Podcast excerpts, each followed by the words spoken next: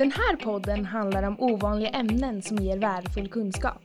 Ett ämne, en utbildare, ett samtal. Det här är Kompetenstjänstpodden.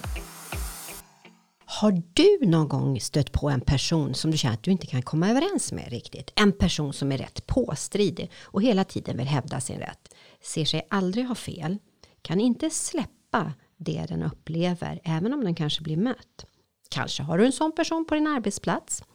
Kanske finns det i din släkt eller bekantskapskrets. Det kan vara så att det är en person som har ett rättshaveristiskt beteende. Så fundera lite grann. Har du några sådana här personer på din arbetsplats? Känner du igen dem? Den här personen har en hög misstänksamhetsnivå.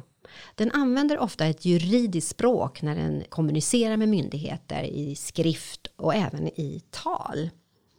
Fokus ligger ofta mot myndigheter som offentliga sektorn, det kan vara polisväsendet, det kan vara rättsväsendet, skolor. Och de kan också ha en viss insikt om att de upplevs som jobbiga men inte insikt om att de har fel. För de har alltid rätt enligt dem själv. Det intressanta är att det gjordes en mätning i Australien av två psykiater. Och då fann man att 1% av de som kontaktade myndighet som hade rättshaveristiskt beteende tog hela 30% av arbetsbelastningen. 30%. Så det är ju väldigt viktigt att vi förstår hur man bemöter den här formen av beteende.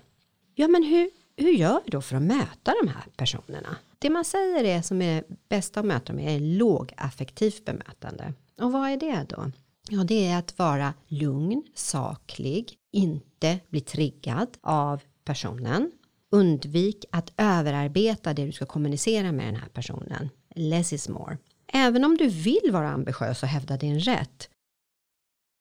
Ännu mer konfliktartad diskussion.